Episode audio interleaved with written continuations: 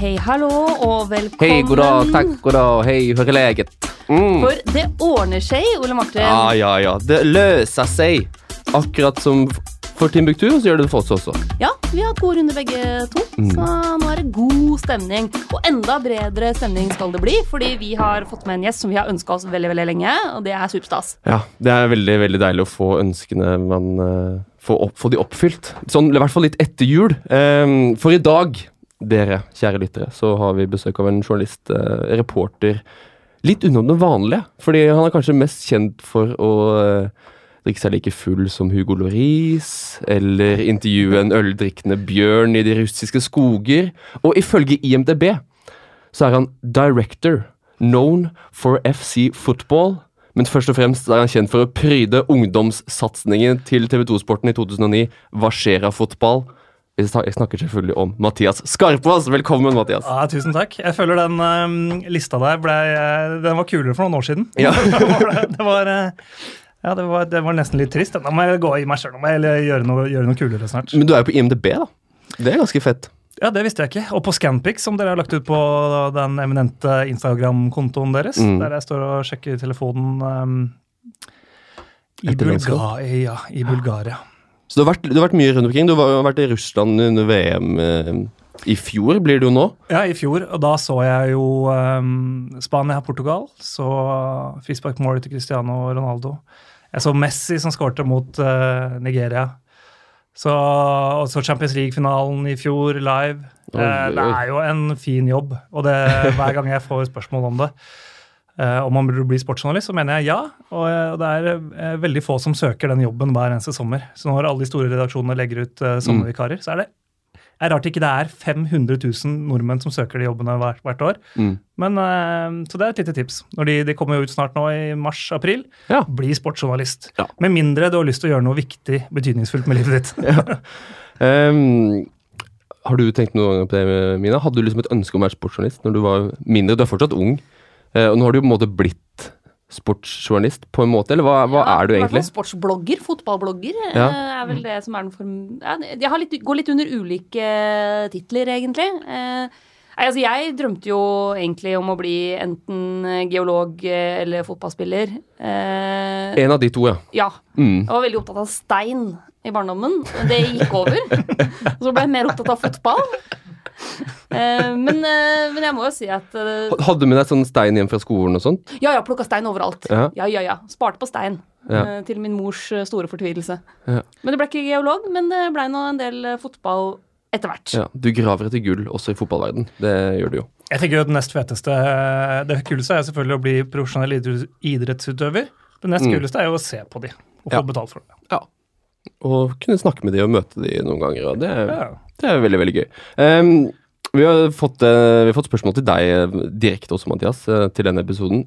Bare begynne med et uh, som jeg, og det, Dette deler jeg sammen med Sindre Taule Sandstå, som lurer på når kommer det nye episoder av Roy reiser. Verdens beste serie. Det er verdens beste serie. Uh, må jeg si er at det er ikke um, Det er ikke bare jeg som lagde det. Var Thomas og Alexander uh, Thomas Aune og Alexander Schou, altså. Ja. Blir litt rart å, det blir litt rart å lage det uten dem. Når ikke Mm. de ikke jobber sammen med dem. Uh, det er litt som å dra på liksom, favorittrestauranten uh, til gamledama med den nye dama. Ja. Det føles uh, rart. Og så er det jo det praktiske at bildetilfanget til Roy Reise var jo under mesterskap, så er det jo et kamera på treneren hele Mm. fra han ankommer stadion en time før, og når han går rundt og gjør de tingene. I Premier League så er det jo bare korte, korte ting. Så jeg er også redd for at serien har blitt mye, mye dårligere. Men ehm, det er jo arven. Det er jo det jeg har blitt uh, kjent, uh, kjent for. Det er jo ikke noe, Når jeg kommer på håndballandslaget, så er det jo bare Hiro Reiser!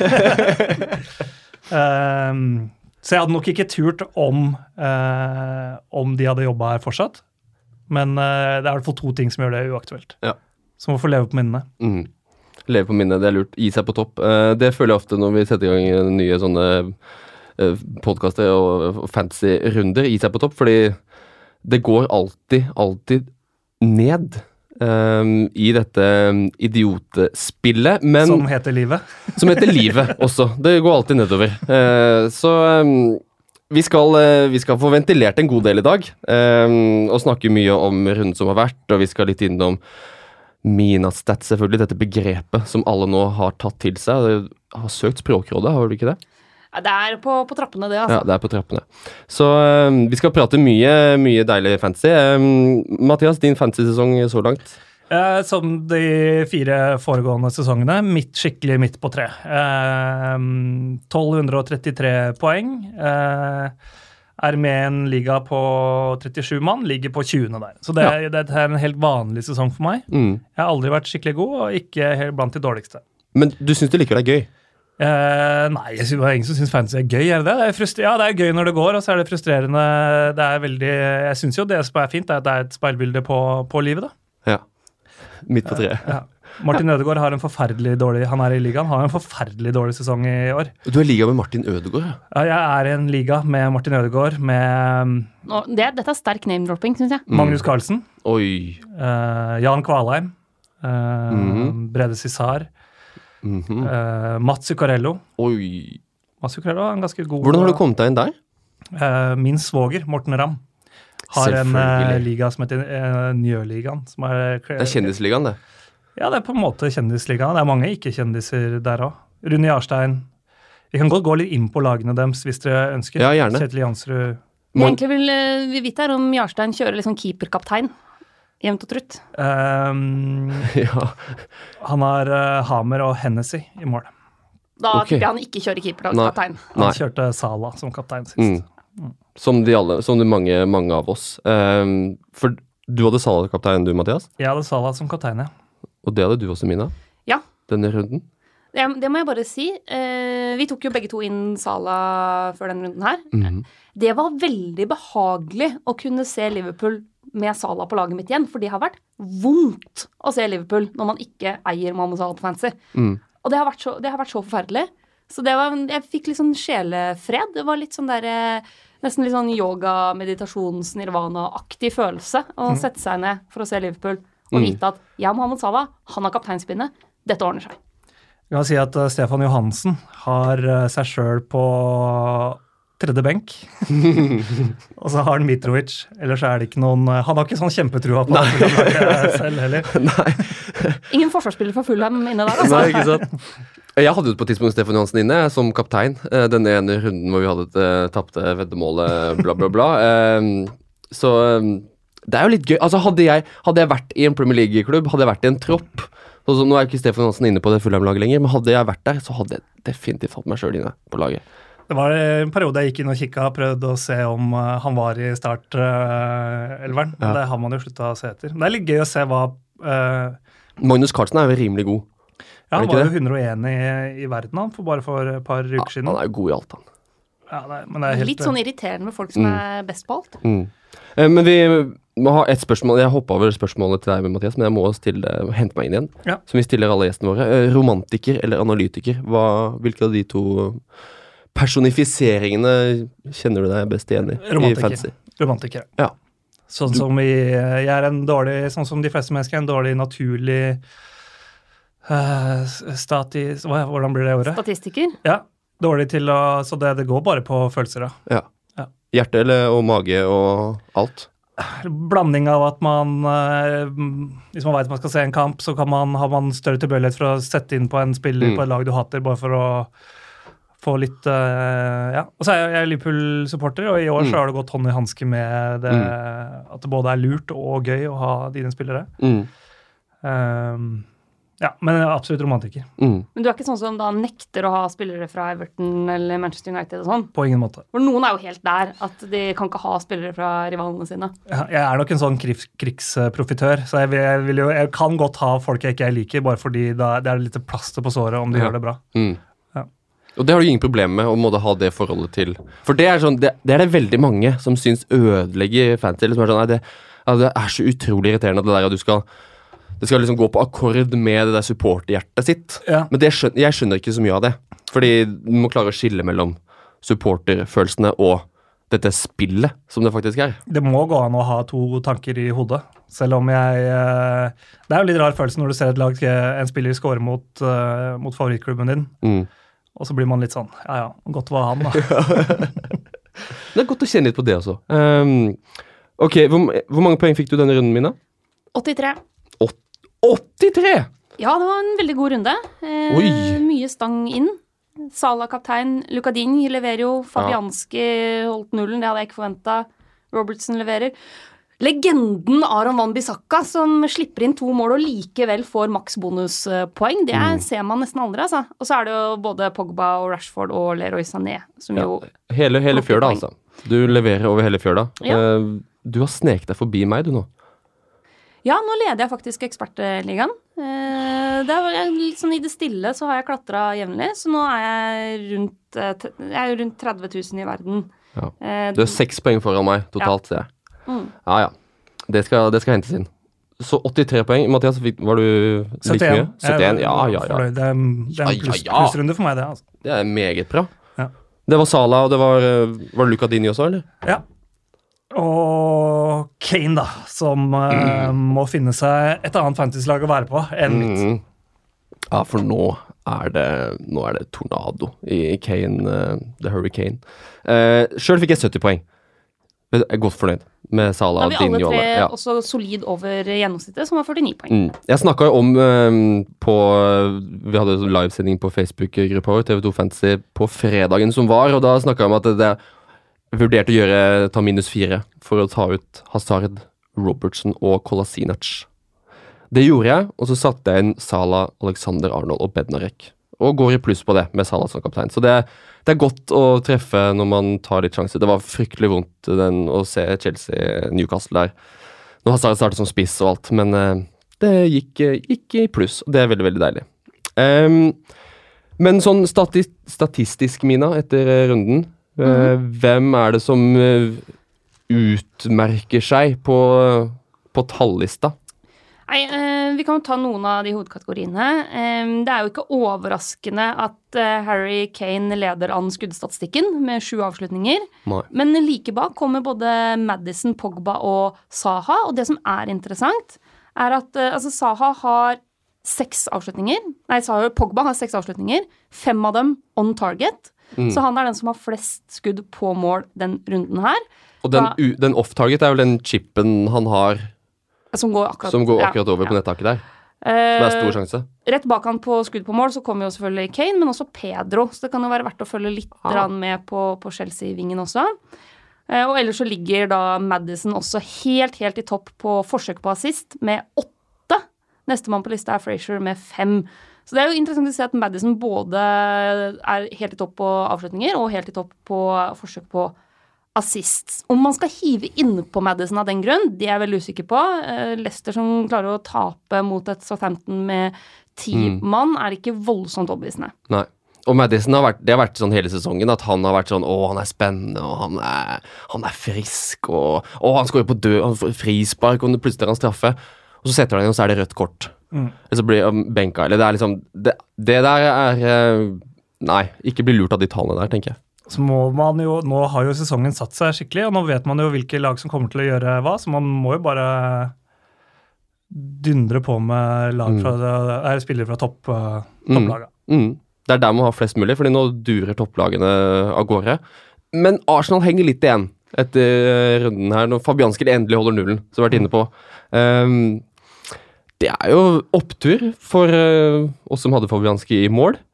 Eh, siste du sa før runden på fredag, Mina, husker du hva det var? Ja, du latterliggjorde meg så totalt, fordi jeg sa nå skal jeg følge med på Samin Nasri, det kan bli spennende. Eh, 5,5, vi veit jo hva som bor i han hvis han er i form. Ole Martin bare lo av meg og sa Ja, at jeg han hadde blitt helt klin gæren. Men hvem er det som får assist? Jo, det er selvfølgelig Nasri. Tror du han kommer til å ha en god karriere i Westham? Aldri i livet. men han er en veldig Westham-spiller. Han er en Pellegrini-spiller, da. Ja, eh, okay, Og- da, ja. Og hva betyr det? At litt sånn eh, At han er ræva? has-beens som får en ny sjanse i, i Westham. Ja. Eh, litt sånn Chicharito-aktig Mm. opplegg. Men han koster fem og en halv, da. Sånn at eh, det er ikke en kjempestor investering. Nei. Jeg er jo mer spent på hva Nasri betyr for fancy-poengene til Felipe Andersson, f.eks. Ja, Jeg tror ikke han betyr så mye. jeg. Tror Filip Andersson, I den matchen her, Filipe Andersson syns jeg var farlig og var mer interessant enn Nasser. I den matchen. Um, det som er litt sånn skummelt for Westham nå, er at Arnautovic er veldig rykta til Kina. Mm. Jeg så det var jo et bilde på uh, Saumi, sosiale medier, hvor han Rett etter kampen på lørdag så var det et bilde av Agnatovic på Heathrow. Ja. Og det var sånn China next. Nå Og så gikk de inn på Instagram-storyen til uh, senere, seinere, og så skulle han bare til Wien med familien. Men det er vel bra å ha eh, offensive spillere fra et lag som uh, mister sin beste offensive spiller? Ja, men hvis de skal ha Ok, Chicharito har vist seg til å være en god erstatter. Mm. Men jeg, er, litt- jeg, jeg føler at Arnautovic er såpass sentral i det offensive spillet til Westham at hvis han blir borte, så tror jeg de skal slite med å skape sjanser. Ja, sånn det. Jeg tenker bare at de poengene de forsvinner et annet sted. De kommer eh, 5,5 er et bra Ja. men Kan man kanskje Jeg er litt lei av Filip Andersson, jeg. Ja. Kan man nedgradere han til uh, Nasri der, kanskje? Ja, jeg, hadde aldri gjort det. Det er jo Det er som jeg sagt, som jeg sagt før med Snodgrass, da. Som også er i den fem og en halv-klassen. Mm. Det er som å kjøpe Det er som å kjøpe sånn DVD i Kina Ja. for mye, mye billigere, når du kan få den ordentlige Blu-ray eh, extended edition i Filippe Andersson her hjemme. ja. Det er verdt de penga. Med Ja. kommentatorspor og alt. ja, ja, ja. Og det er mye snacks og noe ekstramateriale på dem, men det koster jo 12 kroner for den DVD-en i Mm. Eh, Jeg ville holdt meg langt unna Nasri, da. Mina, du som var så positiv, skal du hive inn han, eller? Jeg kommer ikke til å hive han inn med en gang, men han, jeg kommer til å fortsette å følge nøye med på han. Fordi eh, jeg syns det er interessant, liksom. Mm. Men går dere for sånn cirka like gode midtbanespillere? Alle ligger på liksom mellom sju og rundt sju, eller eh, lønner det seg å ha noe skikkelig billige, altså bare kanoner? Ja, du må jo balansere ut det jeg må si, budsjettet. Jeg har jo um, Min strategi er jo å ha mest penger i midtbanen. Ja. Så der vil jeg ha på en måte legge størst del av budsjettet. Um, men min Altså, du har jo fem plasser på midten, og den siste femte midtbanen skal jo på en måte normalt sett være en sånn 4,5 midtbanespiller. Ja. Um, jeg har Pereira som min femte midtbanespiller. Til 6,3 koster han vel 6,4 nå. ja. Um, fordi jeg syns uh, det har hatt Brooks i Bournemouth som har vært uh, potensiell kamerasa i Cardiff. Nå gikk han av med en trøkk igjen. Det er, litt, det er ingen som måte utmerker seg veldig, da. Um, så jeg syns at det, verdien er størst i midtbanen, da. Så å ha en femte midtbanespiller til 5,5, ja, det kan jeg være med på, men ikke Samuel Nasri. Eller Snodgrass, for den saks skyld. Hvis du skal ha noe for Westham, så skal du ha Filipe Andersson, mener jeg. Ja, så Nei, jeg begynner også å bli litt lei Filip Andersson. Eh, det må jeg innrømme. Jeg tror ikke jeg prioriterer å ta ham ut den runden her, fordi jeg må gjøre det med Harry Kane, og fordi han møter Bournemouth, og alle Mm. kan score mot Bournemouth. Så ikke tenk på det. Du henter ikke Filippe Andersson nå, men du, hen, du bytter han ikke ut heller. 7,3 er ganske dyr. Ja. Jeg fikk litt lyst på Nasre når jeg, når jeg fikk vite det, at han var kosta 5,5 nå. ja, Pellegrini er jo glad i han, så det blir spennende å følge med han, i hvert fall. Um, vi er kanskje litt lei av Filipe Andersson. En annen man kanskje begynner å bli lei av, Pierre-Emerick Aubameyang. Eh, var en ganske skuffende opptreden med 0, niks poeng. Men han er jo den spissen som har flest poeng. Må han ut nå? Han har sunket pris også, Ja. så på den ene sida så er han jo kanskje verdt å liksom ta en kikk til på. Men jeg ville ikke tatt han inn nå, i hvert fall, fordi nå er det Chelsea, og så er det en fin kamp mot Cardiff, og så er det Manchester City. Mm. Så hvis man først uh, begynner å bli lei, så er ikke det verste tidspunktet å hive han ut på nå. De som sitter med Kane og Aubameyang, ja. Ja, I den grad Kane er usikker. Aubameyang. Ja. Da beholder du Aubameyang. Hvis du ikke har Kane, bare sitt med Aubameyang og Mitrovic og Callum Wilson. De er jo for dyre for å ha, ha på banen. Dette er jo spillere som egentlig skal være kapteinen nesten hver gang Mm. de spiller. Mm. Uh, jeg har Kane, han må ut. Uh, Du vil ikke hente inn Aubameyang da? nei, nei, nei. nei. Og så med det kampprogrammet òg. Jeg syns Arsenal eh, eh, det, er jo, det er Wenger, det er jo blitt den nye Wengeren, eh, det nå. Mm. Det er akkurat like kjedelig som det var de siste sesongene. Mm. Jeg, kan for, jeg kan forstå at uh, Emery har litt trøbbel med Mesut Özil. For der, der er det en konflikt. Mm. Det er greit. Men sånn som jeg ser Arsenal, så ser det veldig tungt ut for både Aubameyang og Lacassette når Özil ikke spiller. Sånn som det laget de setter opp nå mot Westham, at uh, de blir så aleine, da, Aubameyang og Lacassette. At de får ikke nok mat, de blir ikke fora nok. De får ikke nok eh, sjanser til å skåre de målene. Når Øzil spiller, så, så er det mye, mye farligere. Men Emery og Øzil er ikke gode kompiser. De er ikke på talefot, virker det som. Så Da, er det liksom, da holder man seg kanskje unna. Aubameyang også. Jeg har ingen fra Arsenal som jeg, jeg har ingen fra Arsenal, og jeg har ingen fra Arsenal jeg tenker at uh, Jeg vil ikke gå til å handle Arsenal-spillere før, uh, før den Chelsea-matchen. Nei. Men skal man ha Arsenal-spillere, så er det jo Aubameyang man skal ha. Mm. Jeg tør ikke å rote meg inn i midtbanen til uh, Arsenal. Nei. Der er jeg for usikker på spillerne. Og defensivt er det Ja, defensivt så tør jeg i hvert fall ikke å Mm. hoppe inn der, når det finnes så mye god verdi i andre forsvarsspillere i andre lag. Ja. Nå syns jeg synd på Arsenal-fansen. Nå har det vært litt sånn uh, Mista Wenger, inn med friskt blod, Mm. dritt for United. Uh, nå er det sånn alle andre lag, kanskje bortsett litt fra Chelsea, liksom, så nei, nå må det være tøft å være Arsenal-supporter. Mm. Men er, er kanskje litt stygt å si, men er, er de vant til noe annet, da? Altså, De har jo i hvert fall, Nå har de jo ingen bak seg av disse topplagene. Nå er det jo ingen det er mer synd på enn dem. Mm. Og til og med United kom og Mm. pila peker oppover der, så det må jo være innmari kjedelig å være For de er så kravstore òg. Mm. Men for å, for å se Aubameyang litt fra en positiv side, da, så er han ekstremt giftig. Mm. Og har en sånn, hva heter det, eh, conversion rate. Altså, Han er han setter veldig, veldig mange sjanser. Han er veldig Ja. effektiv foran mål. Eh, også hvis det løser seg med Øsel og Emery, så tror jeg jo Aubameyang som kan få servering fra Øsil, Mm. kan bli kjempegiftig. Mm. Så, men jeg ser an et par kamper nå, Mm. eh, i og med at de har de to tøffe, to tøffe kamper på de tre neste. Uh, og så kan det fort være at Aubameyang skal inn etter Mm. det. Ja.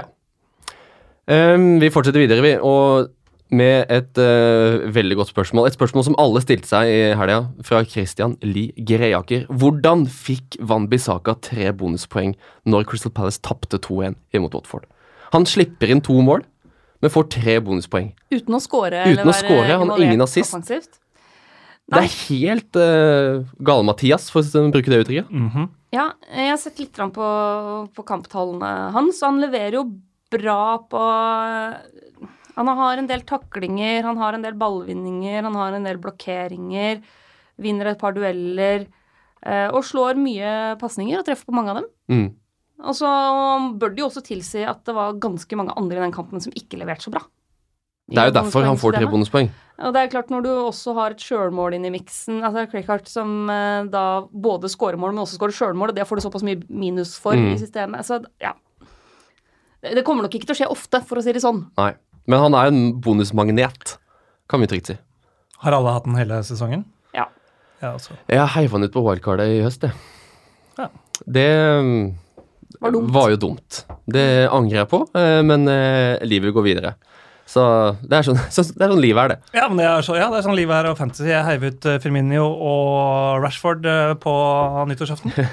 tok, wildcard, tok wildcard da. Så det er, eh, det er derfor det er så Det er ikke noe gøy å spille Det er ikke noe gøy å spille fantasy. Nei, det, er- det er jo ikke det. Men uh, vi sitter nå her, uke inn og Men det er veldig morsomt når man faktisk treffer. Ja, det er det. ja, men det er kjipere når det går dritt enn gøy når det går bra. Jeg, for meg så er det ganske jevnt, liksom. Oppturene og nedturene er, jevner seg såpass godt ut. Mm. Jeg har begynt å forvente dritt hver helg, egentlig. Ja, og blir positivt overraska. Ja, Man bør jo slutte å spille fantasy, til alle Mm. dere som hører på her. Det, er, det beriker jo ikke livet ditt. nei. Det er litt som å være avhengig av heroin. Det er jo eh, det er umulig å slutte, og så tenker man liksom sånn Nei, men det er jo et nødvendig onde i livet, tenker jeg. Mm. Mm. Ja, godt oppsummert. Um, vi, apropos høyrebekker. Uh, Wambisaka er en uh, giftig fyr. Uh, det fins en annen i Leicester som er kanskje hakket giftigere. Ricardo Pereira. Da er det mye skarring i monitoret, så jeg beklager det. Men um, han plukker altså offensive poeng for tredje gang på sine siste fire kamper. Siste fem kampene så har han 6,80 poengsnitt. Det er bare Alonso, Robertson, van Dijk og David Luiz som har mer poeng enn Pereira så langt i sesongen. Det er liksom bare de top dogs som plukker mer enn uh, Leicester-mannen. Det er vel ikke noe mer å tenke på uh, enn å bare få inn han, hvis man ikke har Pereira fra før. Mye koster han? 5,3. Ja. Kjempespiller. Vi meldte han som joker i romjula, Mm. og han har levert. Det, det eneste liksom abra her, da, eh, det er at de fire, Aber, aber. ja, de fire neste kampene er eh, Wolverhampton borte, Liverpool borte, Manchester United hjemme og Spurs borte. Mhm. Og det er klart, Jeg forventer jo ikke det samme poengsnittet i de kampene. eh, Men etter de er ferdige med, med Tottenham i runde 26, så er det en grønn eng av eh, kamper. Mm. Så jeg venter litt, men eh, hadde jeg Men det er også litt fordi at jeg er ganske fornøyd med de andre jeg har. Hadde jeg vært på jakt etter en forsvarsspiller i det prissjiktet der, Mm. så ville jeg heve meg på det toget der, altså. Jeg ville det. Jeg har den. Jeg kan ikke se for meg Jeg kommer ikke til å bytte den ut. Nei. Nei. Hvis man har den, er det bare å holde. Selv om det er et ræv kampprogram neste Bare stå i det. Stå i møkka. Stå i møkka. Ja, det er livsvisdom på løpende bånd her nå. United Spurs. Det er blytungt, da. Det er blytungt. Men da, det, er, det er som alt annet. Men sånn, hvis du sammenligner eh, han med Luka Din, da, Mhm. som er så å si samme prisklasse der Ja, du har begge du, Mathias. Ja, begge. Ja. Det er jo strålende denne runden her, da. ja, det har vært krem, krem, det. Og det ser lettere ut for Krem eller Everton. krem, eller Edgar. Ja, det ser lettere ut for eh, Everton. Ja, men det er jo Hvis man har begge, så tenker jeg man står fint med det. Men mange er jo i den situasjonen at de kanskje skal velge. Hvis man f.eks. har blitt lei av eh, Alonso Ja. eh, og har lyst til å spare litt penger og få inn en eh, Altså Alonso leverer jo ikke offensivt lenger i det hele tatt, Nei. mens det gjør både Ding og Preira. Eh, Så kan vi jo se på at, at de de er forholdsvis jevne, hvis vi ser på de siste fem kampene. I Så- poeng. Ja, de, er, nei, de er ganske jevne hvis vi ser på, på statistikken. Ja, okay. eh, de har like mange avslutninger, åtte begge to. Eh, så har Pereira liksom har tre on target mot Ding sin to on target, men det er såpass jevnt at det ikke er, er så utslagsgivende for meg. Og de er også jevne på både forsøk på assist og store sjanser de har skapt. Mm. Så der ligger de forholdsvis jevnt. De ligger eh, høyt i bana begge to. Um, Pereira tilbringer litt tid litt mer offensivt i bana. Han har jo tidvis også vært kant, Ja. så det er jo verdt å ha med seg. Og defensivt så er, har Pereira best tall. Ja. Altså Han er den som har, han har langt flere taklinger, flere ballgjenvinninger og de tinga der som slår ut i bonuspoengsystemet. Så i utgangspunktet er begge veldig veldig gode. Man kan ta en liten vurdering på kampprogrammet. Ja. På om man kanskje går tenker Luka Ding eh, nå, og så hiver seg på Preira-toget så fort de har kommet seg gjennom kneika. Mm. Det er en ja, det er min plan, min tanke. Um, hvis du skal velge én Du har jo begge, da, Mathias. Hvis du skal velge en av de, hvem ville du hatt? Dign kommer til å spille Mm. for meg. Mm. Ja, det, det er lettere for deg å benke Pereira enn å benke Lucadin. Ja. Så det er vel en eh, det er det jeg kommer til å gjøre det her. Det. Ja. Jeg, også, jeg holder også Dign over her og nå. Vi sitter Og på tar frispark. Og, altså jeg har jo mast så mye tidligere i høst om at uh, Dini eh, tar så mye cornere og er den som har flest innlegg, og nå fikk han jo endelig assist mm. på corner. Og når du kan sikte på Kurt Zuma inn i midten der, så kan det bli flere. Mm. Så Lucadin han går seirende ut av duellen der. Per nå, og Per så om et par runder, Mm. så er det Ricardo Preira rett inn hos meg, i hvert fall. Ja, han følger vi nøye med på. Um, eh, Mohammed Salah, da. Fikk jo plutselig tre bonuspenger han også, denne helga. Syns han er god, jeg. Han er, han er Brand, god. Brannfakkel eh, fra Skarpaas her. Ja. Han, øh, han har sparka en ball før. Han uh, får straffa der. Setter straffa Eh, Når han skulle ta den straffa, jeg var livredd. Jeg tenkte, Nå bommer han. Det er så tydelig. Det derre evige forbannelsen med at du blir Du lager straffa sjøl, og så skal du ta den sjøl. Ja. Det er grusomt. Men så syns jeg det Og grunnen til å ha han på laget, er måten han tar den straffa på nå. Mm. Fordi det er, eh, det er et par forskjellige måter å ta straffe på. Og bare å kline i hjørnet med sånn stor selvsikkerhet, eh, det, da er du i dytten. Mm.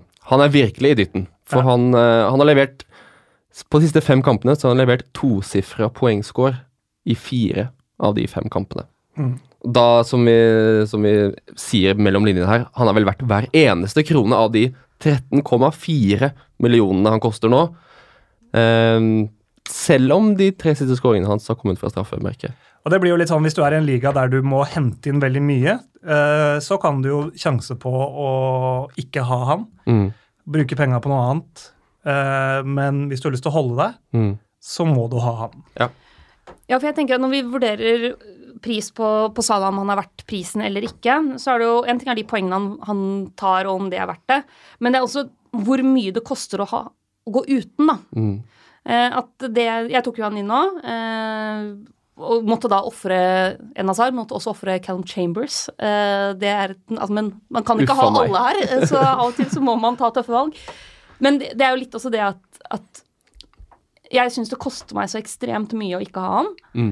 Også fordi at han er et så åpenbart kapteinsvalg i de fleste kamper. Mm. Og jeg veit at hver eneste runde så er det så vanvittig mange som kapteiner Mohammed Salah. Så at du, i mitt hode, når jeg tenker om han har vært det, så må jeg nesten doble de poengene jeg tror han kommer til å ta.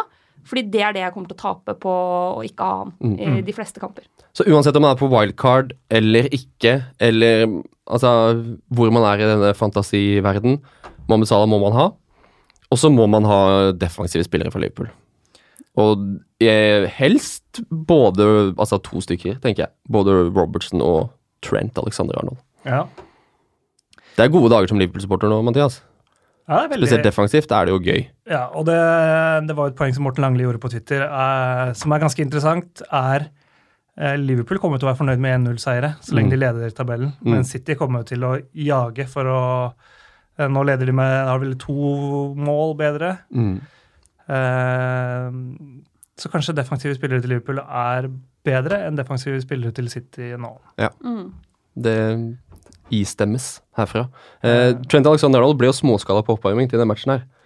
Kan vi jo ta med litt sånn news på det. Men han rista det av seg, og ble, det ble de teipa og et eller annet. Han spilte hele matchen uten problemer, så det skal gå fint. Og Det virker som Robertson er en sånn evighetsmaskin som bare kan Ja. spille alle matchene. Eh, Moreno på dekninga der. Jeg tror ikke de kommer til å tror Mats Hummels eh, skrev at han syns eh, van Dijk var den beste midtstopperen i verden. Det ryktes jo litt om et lån der. eh, Mm. Ellers er det jo ganske lett å holde oversikten over Liverpool sine, sitt forsvar om dagen. fordi Mm. de, det er jo bare de som er friske, de spiller. Bortsett Mm. fra Moreno. Mm. De som er friske og ikke dårlige, Ja. spiller, på en måte. Ja.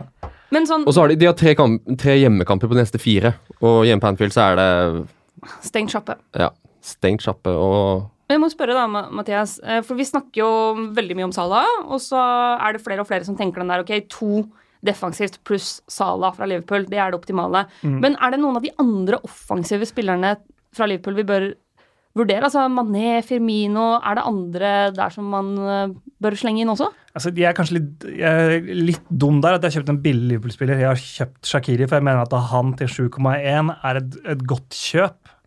Uh, det jeg angrer litt på nå, er at det kanskje det, det skulle vært at man skulle kjøpt tre dyre Liverpool-spillere og bare kjørt det toget helt, eh, helt inn.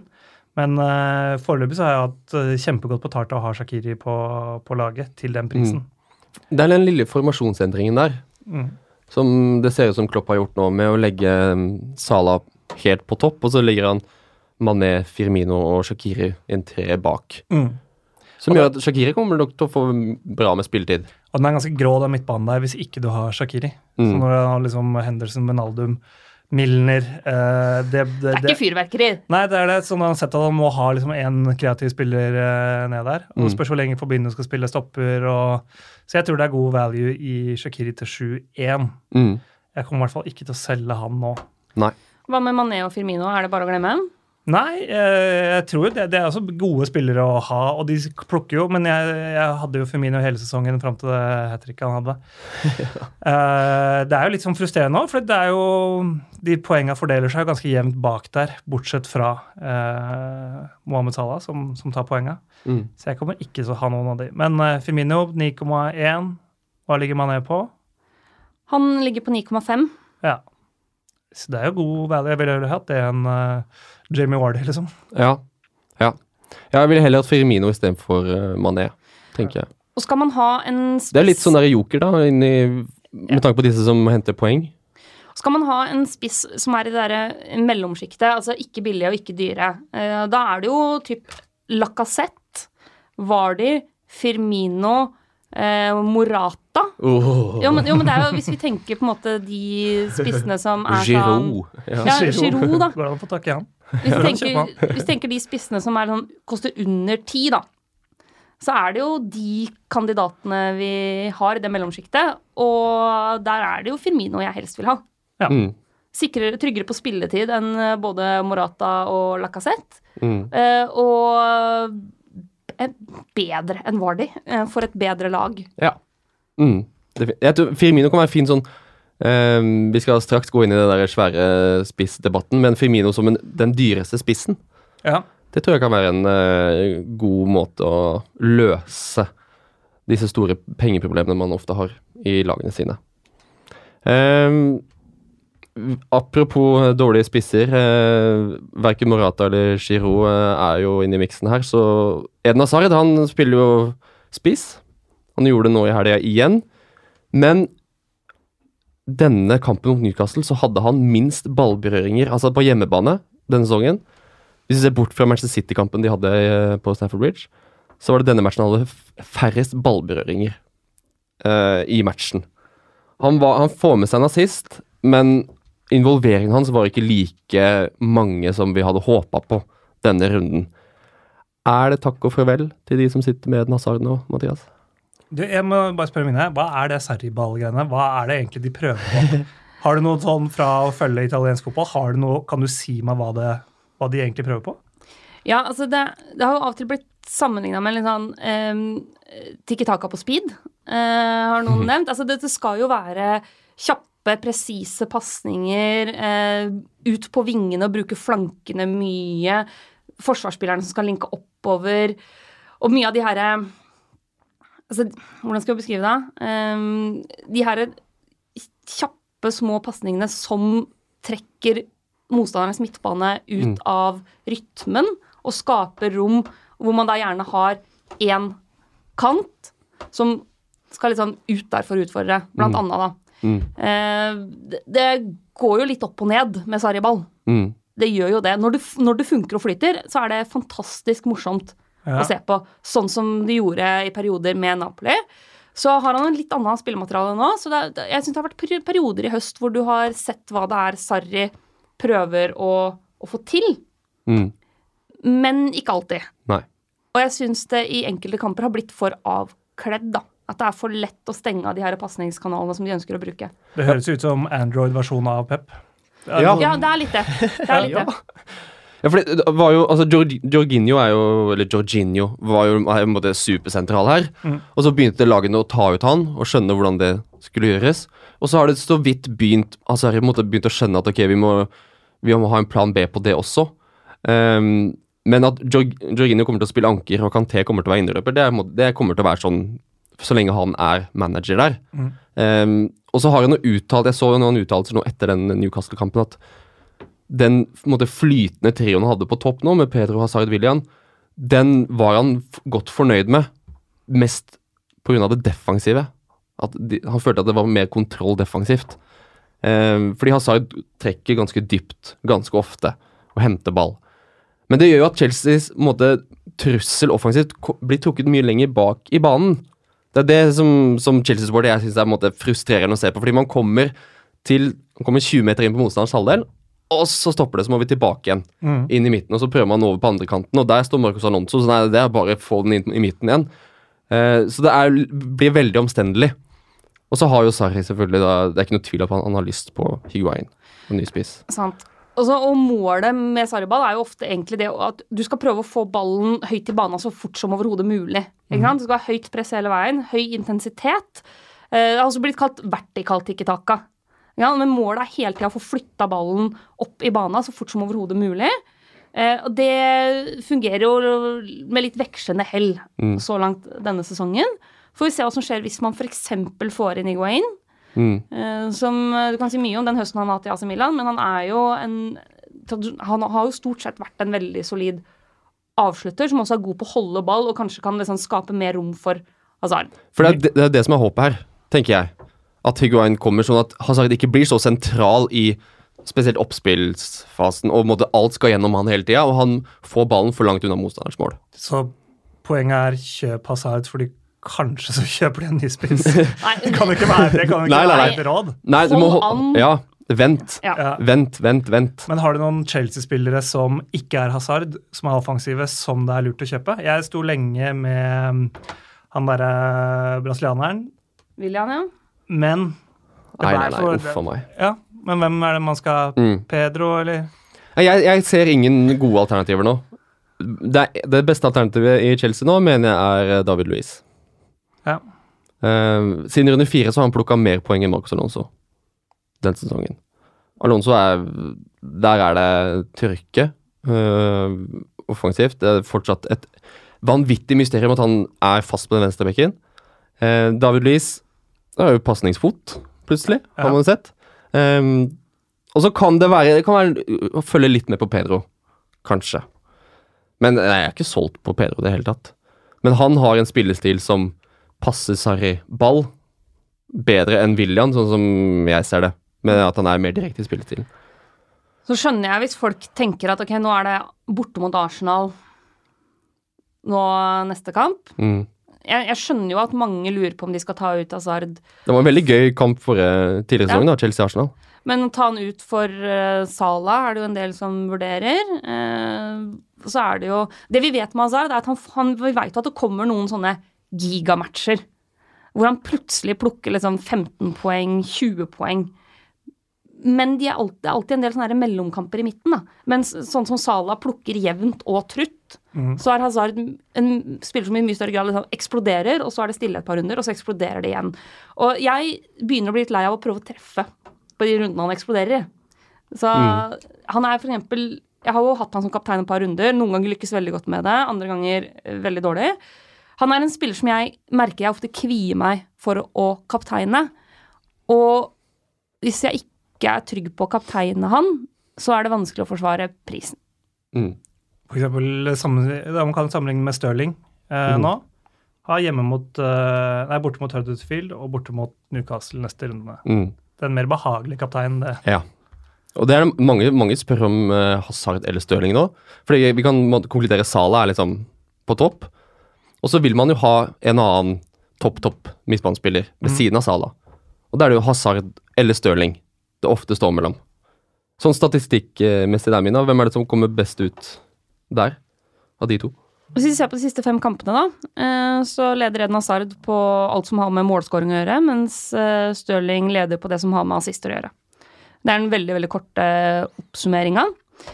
Eh, Hazard har 2,6 skudd per match, eh, Stirling har 1,2. Eh, Hazard har 2,2 skudd i boks per match mot 1,4 på Stirling. Mens da Stirling har 2,8 forsøk på assist mot 2,2. Og har i den perioden skapt tre store sjanser, mens Eden Hazard har skapt null. Er det noen sjanse for benking med Stirling, eller? Det er jo pepperulett, da. Du vet jo aldri om plutselig liksom eh, Gundogan eh, skal inn i laget, eller Mares skal inn i laget. Man skal ha Det skal ny de jo en eller annen gang. formasjon, og så skal Kevin De Bruyne kanskje inn i miksen der, og hvem går ut da? Altså, Mm. det er jo Kanskje skal han plutselig prøve å spille med både Aguero og Gabriel Jesus nå som Ja. Jesus er i form. Ja, det, det er jo det store drawbacket med Stirling versus Hazard. Ja, altså, det det er jo at ja. Hazard starter. Er Hazard skadefri, så starter han, fordi mm. Sarri har ikke noe valg, egentlig. Nei. Mens eh, Stirling kan hviles. Eh, Og spesielt i de kampene som City kommer med nå, da. Ja. Huddersfield Newcastle. Mares kan fint starte da. ja. Og De Bruyne kan fint starte på midten, og så Bernardo Silva på denne kanten. Eller ute til 60 minutter. Eller ute til 60. Eh, For Sané er jo i er jo form, han òg, kan man si. Ja. Så det er, litt, det er litt vanskeligere der. Det er det jo. Men jeg er tryggere på Stirling nå før Champions League går i gang igjen. Ja. Mm. Det er jeg jo. For det er litt det vi snakka om, at eh, City må ha mål Mm. hele veien. Og mm, jeg tror eh, Stirling er foran Maris i køen. Så lenge Stirling er måte, fit og er eh, positiv på trening, som jeg regner med at han er ganske ofte, Mm. så tror jeg han er ganske Jeg håper det. Det er, det er jo ønsketenkning. Det er jo det det blir. Men skal dere ha um, Skal dere ha Hazard, eller? I helga? Jeg solgte han jo for Sala forrige runde, så Ja. Det gjorde jeg også. Ja. Så jeg går uten Hazard. Ja. Jeg òg. Mm. Så um, det er vel det vi konkluderer med, at det er, det, er, det, er, det er ikke så mange mål i Chelsea som det er i City, i Liverpool, i de andre topplagene nå. Så um, Hazard må uh, sitte på benken eller sitte og se på. Men bare tilbake til det. Ma Mané. Er det ikke rett før han liksom popper nå? Mm. du, det lukter Mané-poeng, tenker du? Ja, Han er bra, da. Liksom, Ja, ja. Jeg, jeg på Når du snakka liksom, om Firmino og Mané, så er det sånn Fir Firmino har jo rollen sin som sånn møtende spiss, eh, hardtarbeidende, men eh, det er jo egentlig en offensiv eh, Lirare, Mané. Mm. Og mot City så var han jo veldig frisk, eh, og er jo fryktelig fryktelig nære å få med seg mål der. Mm.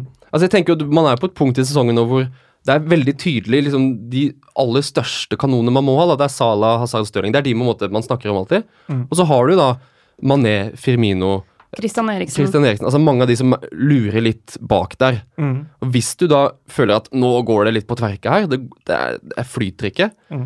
så er det jo tidspunkt å prøve å sette inn noen av disse gutta. Du sier Eriksen der. Har vi, er det tro på det her Tottenham-laget?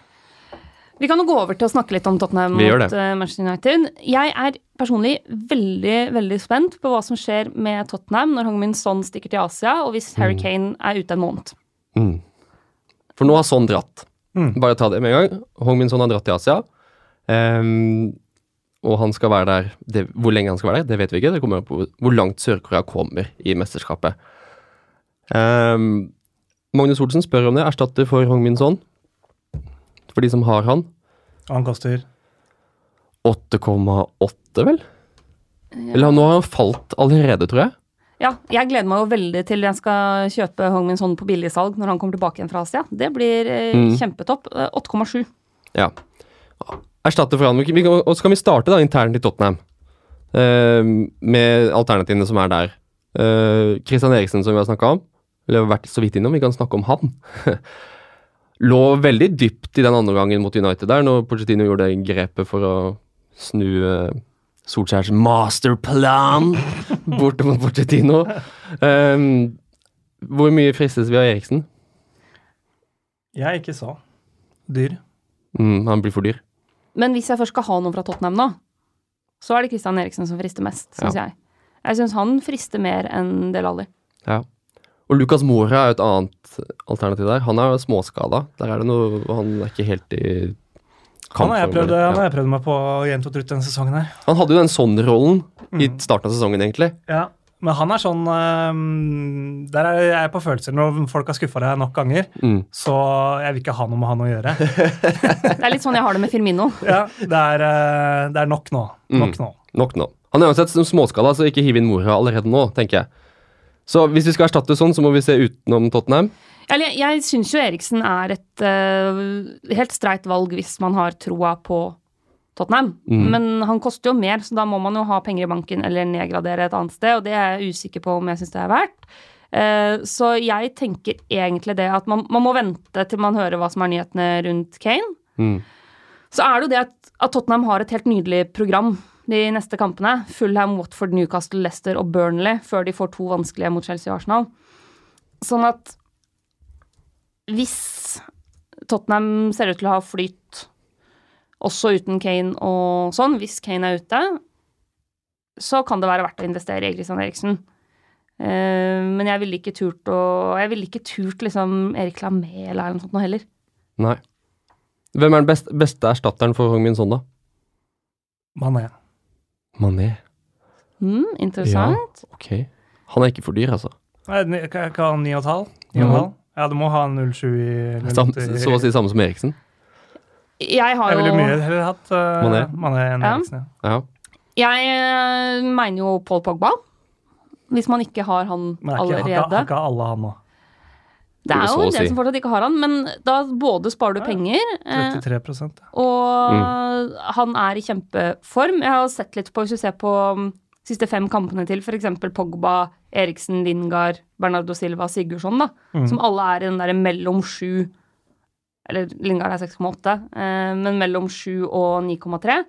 Så leverer liksom Pogba best på nesten alle statsene, bortsett fra attempted assist, der eh, Bernardo Silva er rett foran han, hvis vi ser på per kamp. Mm. Eh, grunnen til at Lingard er med, er jo at eh, han er blant de midtbanespillerne som har tatt flest poeng de siste seks kampene. Mm. Men det er også Milivojevic. Sånn at man skal ta det med en liten klype salt. Det er krem, det der programmet til United framover, da. Ja. Altså Brighton hjemme, Burnley hjemme, Leicester borte, Fulham borte. Mm. Og så Liverpool, Mm. etter at Liverpool har vært i, eh, i München, Mm. midtuke der. Og så Palace borte. Southampton hjemme. Det er bare å egentlig handle litt uh, United-gutter. United-gutter, ja. Det er det man må. Um, og der tenker jeg også på å snakke om erstatter for Harry Kane. Hvis vi, vi bare tar det som Hvis vi regner med at Kane er ute, fordi det er jo spørsmålet hva som skjer med Harry Kane. Mm. Han skal jo sjekkes nå i disse dager, etter at eh, den venstre ankelen hans ble hoven etter kampen mot United. Det er den høyre ankelen hans som er skada tidligere, som har hatt disse skaden, tre skader i tidligere. Så det er fortsatt ingen bekreftelse på hvor lenge han er ute, men det ryktes at han er ute opptil en måned. Oi. Det er ganske lenge. Ehm, men hvor kort må den skadeperioden være for at man skal beholde Kane? Det er nesten sånn at én kamp på benken er for mye til den prisen, altså. Mm. For meg, i hvert fall. Han må spille igjen til helga for at man skal beholde han. Det handler litt om, om benkesituasjonen man har òg, da. Eh, selvfølgelig. Men eh, Kommer an på om du tror at eh, Aguero tar mer enn fire poeng til helga. da. Ja. Det blir jo nesten sånn Mm. at du må tenke at uh, Er det skada nå, så er det nok Da blir det jo et par kamper. Mm. Så da må man jo bare ikke han spiller, så må han jo ut. Men du har tenkt å kvitte deg med Kane uansett, har du ikke det?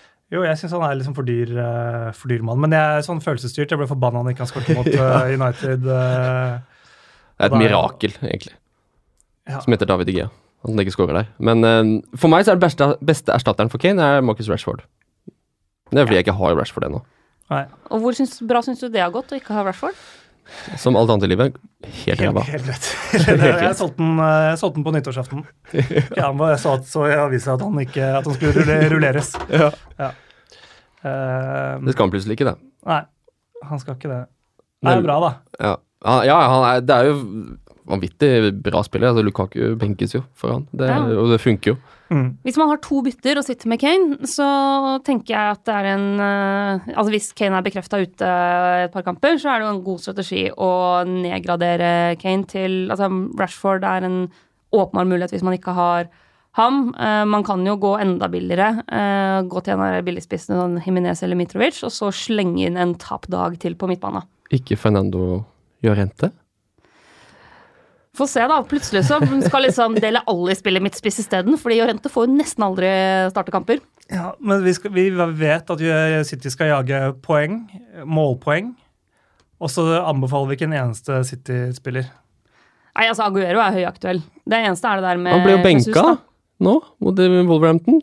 Gabriel Jesus er i målform. Er vi trygge nok på det, ja? Det er forferdelig, men det, man må, man, det er jo sånn når man ser på en sesong når man er ferdig med fantasy, så bare Å ja, man hadde ikke noen fra ligamesteren. Nei. Man, eh, man skulle være smartere enn det hele veien. Man, men Ja, fordi Plutselig så blir de benka, men så blir de jo veldig sjelden det, egentlig. Eller ja, Det er den følelsen man sitter med, i hvert fall. Tror du Pep benker han igjen nå? Jeg vet ikke. Nei, det er det. Jeg, man vet jo ikke. Jeg, jeg tror Aguero er, vil spille nå. Han var jo småsjuk inn mot helga. Ja. Det kan godt være at det var det som gjorde at Jesus fikk spille. Men når Jesus skårer to mål For det, Han hadde fire mål i ligacupen, og det var greit selvtillit. ja. Men så får han to mål i ligaen også. Og da, er det liksom, da melder han har han meldt seg virkelig på. Så Det gjør at jeg, jeg klarer ikke å være trygg nok på Aguero. Jeg er ikke trygg nok på Aubameyang. Så når jeg skal bytte ut Kane nå, så klarer jeg ikke å finne noen premiumspisser, av de dyre spissene som frister, som skiller seg ut. Det blir det er Rashford som gir mest verdi for pengene, Mm. sånn som jeg ser det. Og han er billig. Han koster Han har jo steget en del 7-3, 7-4. i pris, men nå er han på 7-4. Ja. Ja. Jeg kjøpte han for 6-9, jeg tror. Oi, oi, aksjemegler, du. Ja, ja. Shit, altså. team value. Cash Team value. Fordi, men på City, da, Andreas uh, Fausganger Bø spør hvilke City-spillere bør man ha nå i tida framover? Tør vi å si Aguero? Ja, man må nesten Jeg tenker man må se ut til helga, liksom. Tenk, om han, tenk hvor glad du blir når han starter der. Da Mm. veit du at han kommer til å skåre skåre mål. Mot Huddersfield, som nå er uten manager etter at David Wagner ikke har blitt sparka, men har gitt seg. For han trengte en pause, er det det som blir kommunisert uh, utad. Mm At når, når treneren din måtte, ikke vil mer, Nei. og du ligger sist på tabellen Og tatt 11 poeng på 22 kamper. Altså, Hvor tungt er det ikke da å møte Manchester City? Du må jo være helt, helt ferdig. Kommer en Matris inn og klapper litt i hendene. Ja. Kom igjen, gutta. Nå, nå er det bare dere dere kommer an på. Jason Punchen, du er jo akkurat kommet inn. Kan ikke du ta og løfte gutta litt her, ja? Nei, det, altså, det kommer til å bli slakt av Huddersfield. Så jeg, det frister veldig. Jeg Skal vi gå for Aguero, eller? Ja, jeg skal bli med på det. Ja. Ja, det er et eh, Man må i hvert fall begynne å ha, man må begynne å ha, Mm. ha spillere som spiller ofte i City. da. Så Mm. må man tenke at eh, ok, noen ganger så går man på en smell, eh, men men en halvskadd Kane mot Aguero det er det, ja. Ja. Jeg velger, eh, jeg velger Aguero. jeg. Og så syns jeg man må følge litt ekstra med på Kevin De Bruyne også. Nå, nå kom han inn, og han lusker i busken der, altså. Pep uttalte jo at først når De Bruyne kom inn, da begynte vi å spille god gangersfotball. Ja. Det var da liksom det begynte å flyte. Så um, der kommer det til å smelle snart. Det er jeg ganske sikker på. Hvor Um, Hvor koster han nå? da? 9,7. 9,7, ja. Så får man ta en vurdering, da. Vil man helst ha 30 minutter med Aguero eller 90 minutter med Firmino, f.eks.? ja. 30 minutter. Hvis du kan garantere meg 30 minutter, så ville jeg hatt Aguero. ja, ok. Ja. Mm. For det er jo på slutten av kampene. ja, ja, ja. Og Det da er valget enkelt, da. Og da leder City 3-0, og så blir det 6-0. Så da Uff. Det er um, det er Aguero-time. Det er nok det. Um, vi må ta med spørsmålet fra Bobstar90. Det er Et bra nikk på, uh, på Instagram. Han er midt på tabellen i en kameratliga på ca. 16 stykker. Og er det på tide for han å gamble på litt jokere for å ta innpå de tet nå som de når de sikre kortene svikter? Vi har vært inne på litt jokere her eh, tidligere, men eh, i liksom ekkokammeret av Kevin De Brøne. Ja, For å være litt Dr. Phil her, så må jo Bobbystar 90 finne ut om han øh, øh, syns det er kjipere å komme sist og være en skikkelig dårlig fantasy-spiller. Mm. Jeg syns det er greit å være meg personlig. Jeg synes det er fint. Jeg kommer ikke til å ta mange kontroversielle valg for å komme meg høyere opp i ligaen. Nei. Fordi jeg vil ikke være blant de mest ræva. Nei. Jeg kan skjule meg helt fint med at ja, ja, det gikk sånn greit i år. Mm. Så det kommer det, og det har jo litt med om man eh, misliker de som ligger på toppen, da, og man har lyst til å ta de. Eh, og så må man se nedover på tabellen og tenke er det verdt å havne ned der. Ja. Det er kanskje minst like viktig. Mina, du som ligger nå på toppen av ekspertligaen. Kommer du til å spille safe, eller kommer du til å ta inn litt jokere? Jeg syns jo joker er morsomt, da, men uh, jokerne mine er stort sett de veldig billige. Mm. Eh, at Har du noen i hatten nå, eller? Nei, jeg- det er jo litt sånn ta inn pensjon og ha som uh, femte benk, og det er jo ikke så morsomme jokere, men, eh, men blant de som er eid av under 10 da, så syns jeg jo f.eks. Christian Eriksen er interessant og, Mm. som en joker. Det er ikke så mange som har han. Eh, han er jo en av de som virkelig er nødt til å ta et skritt fram og ta en lederrolle i det, det laget der hvis Kane er ute. Mm. Eh, Jeg må nevne Kevin De Bruyne igjen, jeg. ja. 3,8 eierandel. Det er um, Så selv om han- han kommer inn og får, eh, får 20 minutter, og så får han assist, og han er eh, Han er rimelig god, den eh, belgiske vaffelen der. Så Sadio Mané er 19% eierandel, så det er ikke så eh, joker-tendenser der. Sherdan Shakiri. Kom Ja. til 7,1. Ja. Eh, 3,4% som har den. Mm. Den er Gode fin, den, altså. der. Kan vi, jeg kan slenge Luke Shaw der også. 6,4% Ja. Ja, Som sagt, United, fint program. Og når David Hea er tilbake i Mhm. superform, og det må jeg bare si, Victor Lindeløf begynner å se bra ut, altså. Mm. Så litt mer stabilitet defensivt der, og en Luke Shaw som altså det, det er jo noe av det annet Ryan Giggs har snakka om at har endra seg med Solskjær, er jo det at bekkene endelig kommer med offensivt igjen. At det har vært et sånn uh, kjipt å sitte og se på med United tidligere, for det er noe av det de alltid har vært kjent for. At de har liksom offensive bekker som kommer på overlapper og bidrar der. 1,6% eier Lindeløf. 1,6, ja. Han koster 4,8. Mhm. Og Luke Shaw, mange har han? 6,4% 6,4. ja. Beck som er offensiv. Det kan uh, fint funke, det. Jeg vet ikke om Bobbystar 90 1990 fikk noe ut av det her. eh, Bare for Tilbakemeldinga var jo å gå i deg sjæl. Finne ut hva slags fyr eh, du er.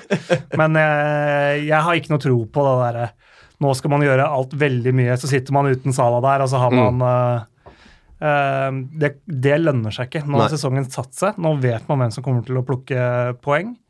Så jeg tror ikke Bobbystar 1990 er noe smartere enn eh, Majoriteten. majoriteten. Ja. Nei. Det, man kan ha eh, i hvert fall 50-60-70% av laget sitt som er liksom trygt og godt og solid. Mm. Og så kan man ha én plass i hver lagdel, f.eks. Ja. Hvor man tar litt mer sjanser. Det kan være, kan være verdt det. Uh, Så går det an å velge litt joker i forsvarsrekka, tenker jeg. Ja. Patrick van Anholt, eksempel. 4 eierandel. Vi veit at han er offensiv. ja. La de spille mot. Liverpool først, da. Ja, ja, ja åpenbart. Det er det. Ja. Men å tenke, gå kanskje litt mer i, i den boksen. Henrik Høiland lurer på om vi vet om det er noen 100% sikre doble eller tomme gameweeks allerede. Og ehm, vi vet det, at runde 27 så spilles det ligacupfinale. Um, det er ikke 100% på papiret, men at Manchester City skal rote bort et 9-0-ledelse mot Burton i den andre semifinalen der, det kommer ikke til å skje. Så Everton-Manchester City kommer ikke til å bli spilt i runde 27. Så tenk litt på det nå, eh, for det, hvis man har Everton-spillere og Manchester City-spillere. Så hvis du skal hive noe Aguero nå, så må du ha en kanskje liten backup-plan til runde 27. Og så vil det komme runde 31 også, som blir en ganske stor eh, blank runde, hvor flere lag ikke spiller, for da spilles det kvartfinale i FA-cupen. Men der vet vi ikke så mye ennå lenger. Da kan man bruke den ene knappen man har. Mm. Som heter Det er den man kan bytte ut alle til en runde. yes. Free hit. Free hit. Free hit uh, kan være fin å ha i runde 31. Ja. Men vi bruker ikke den allerede nå til uh, neste runde, Nei. som er runde 23. Eh, det er fine, fine kamper. eh, Både Liverpool og United har gode hjemmekamper. Arsenal-Chelsea som uh, nachspieler på lørdag der. Og så kommer det en eh, fin rekke for City og Spurs på søndagen. Det er, gode, det er flere kapteinsalternativer, tenker jeg, men det er også flere spillere som frister. Hvilke bytter eh, har vi i tankene til helga, Mathias? Nei, vi ble jo enige om at jeg skal bytte ut uh, Kane med med Aguero. ja. Eh, For du ett bytte? et bytte, ja. Mm. Jeg lurer på om uh, jeg fortsetter med Salah som kaptein. Mm. Ikke jåle altså det Nå er vi inne i del av sesongen. Nå må du ikke jåle deg bort. Nå må Nei. du ikke leke deilig. Ikke leke deilig, nei. Nei, Jeg kommer til å ha Salah som kaptein. Når jeg har tatt inn en så dyr spiller, eh, så kommer jeg jo stort sett alltid til å ha han som kaptein. Ja. Det er trygt og godt. Det føles fint. Mm.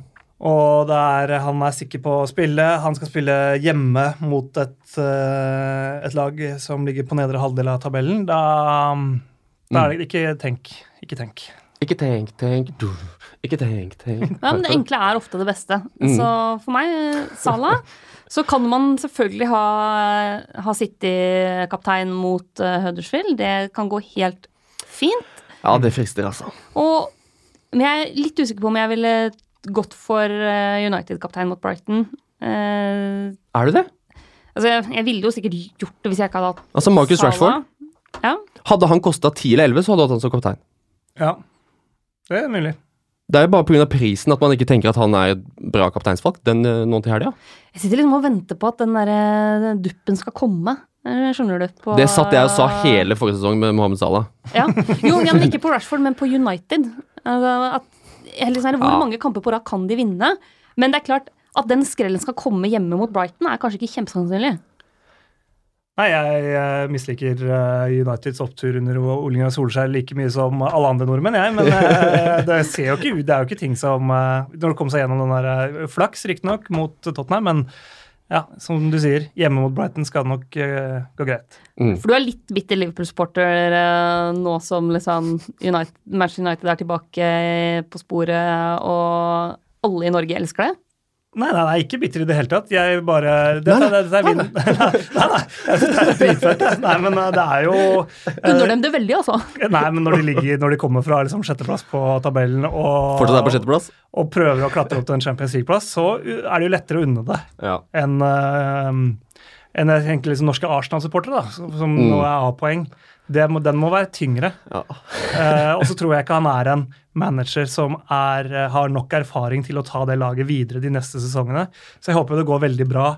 Eh, for dette kan jo forkludre for en eh, veldig god manager til sommeren. Mm. Hvis han gjør det strålende fram til nå, så er det ingen som vil overta. Det er litt sånn som når Liverpool fikk Kenny Daglish og bare kom inn og bare «Ah, Fy fader, dette er mannen. Og så et år etterpå så- ja, så skjønner man, så skjønner man å ja, eh, fotballen har forandret seg litt siden den tid. Hvis man skal være manager i topplag, så trenger man eh, litt mer erfaring, uh, litt større standing. Så jeg håper jo Solskjær får den jobben. Mm.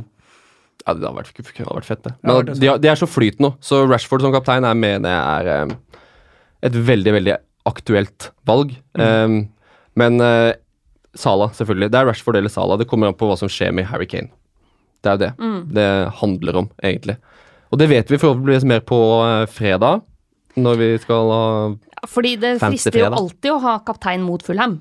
Altså, De klarer ikke å Mm. vinne kamper når de scorer alle måla engang. Fordi sjøl om Burnley ikke klarer å score mål, så tropper jo liksom Mm. Fulham-spillerne til og slenger den i eget nett. Men tror du ikke Liverpool og United er bedre hjemme enn det Spurs er borte? Hvis man tenker, eh, Du har sikkert noen stats på det. Liverpool er jo veldig godt hjemmelag. Fantastisk godt eh, hjemmelag. Spurs er beste bortelaget Ja, i Lyon. De spiller jo borte hele sesongen, Ja, som noen liker å si. Oh. Men, uh... Men, men jeg ville vært litt eng... Altså, jeg ville kvia meg litt for å ha en uh, Tottenham-kaptein Uten min- Kane og sånn. Ja, uten Kane og sånn.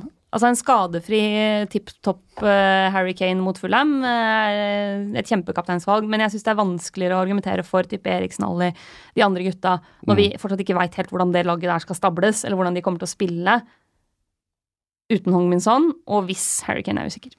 Blir det Jorente inn der, eller? Ja, det er tja, det, jeg, Ja, jeg går godt være at han får en del kamper. Men han er jo vaksinert fra å score, stakkar. Så, ja, så han har skåra i cupen, greit det, men Nei, det er ikke Altså, når sånn har spilt spiss uten Kane de gangene det har skjedd hittil i sesongen Lorente får jo så vidt minutter. Så um, Altså, det er ikke liksom verdt å gå Nei. og kjøpe han for å Nei, nei, nei. Nei, jeg, jeg skal ikke ha Lorente. Jeg vil ikke anbefale noen å kjøpe Fernando Llorente. 5,6. Ja, det kan jo bli et Det er han eller Danny, han eller. Danny Ings. Ja. Det kan jo bli et kjempekupp, Jeg vil ha. Danny Ings. Ja, ja. Mye heller Danny Ja, men ok, vi lander, Salah er det trygge valget til helga. Det kan vi bare lande på. Um, også hva som skjer med Kane, det har vi forhåpentligvis svaret på på fredag. Um, jeg har Så sikkert sagt må dette, men dere jeg sier det en gang følge med på Fancy Fredag da, på Instagram og i Facebook-gruppa vår. Der gir vi dere siste nytt fra pressekonferansene. Vi kan jo aldri garantere at trenerne spiller med åpne kort, men vi videreformidler i hvert fall det vi finner ut av. Så vi kommer garantert til å melde at Arnautovic er- har vært småskada på trening, men kommer til å bli klar som han vanlig. Ukentlig tradisjon. Jeg skal ned og dekke Tata Steel Challenge i Veik Anse, der hvor eh, Magnus Carlsen er. Jeg Ja, kan jo Få litt tips fra han. prøve å høre hva han går for til helga. Så får man hva verdens smarteste mann eh, velger. Det har vært kult. For han er i hvert fall mye smartere enn enn tipper oss. han er smartere enn alle oss tre til sammen. Det skal jeg love deg at han er. Det skal jeg love deg. Så um, Men vi prøver, vi i hvert fall. Her vi sitter eh, litt nede i møkka og syns livet er helt greit. Og fantasy er fortsatt helt greit. Jeg håper det er helt greit for deg også. Og um, må si takk for at uh, du har hørt på episoden med Mathias Skarpaas. Takk for at du kom. Veldig hyggelig. God tur til uh, Nederland. Takk. God tur til uh, sjakkverden. Sjakkverden, ja. ja. Ja, Det blir spennende. Det blir noe nytt, det. altså. Mm, Vær der en uke og kose deg. Åtte dager på Nordsjøkysten. Ja. Jeg kaller det den uh, nederlandske rivieraen. Mm. Så eh, bli sportsjournalist. Får du med deg sjakk i Nederland og, uh, Fotball-VM. og fotball-VM og alt som er. Takk eh, for at du var her, Mina. Bare hyggelig. Og uh, jeg sier takk til uh, Martin som sitter her ved siden av meg og er tekniker. Og takk til deg og takk til meg og takk til alle. Vi høres. Takk for nå.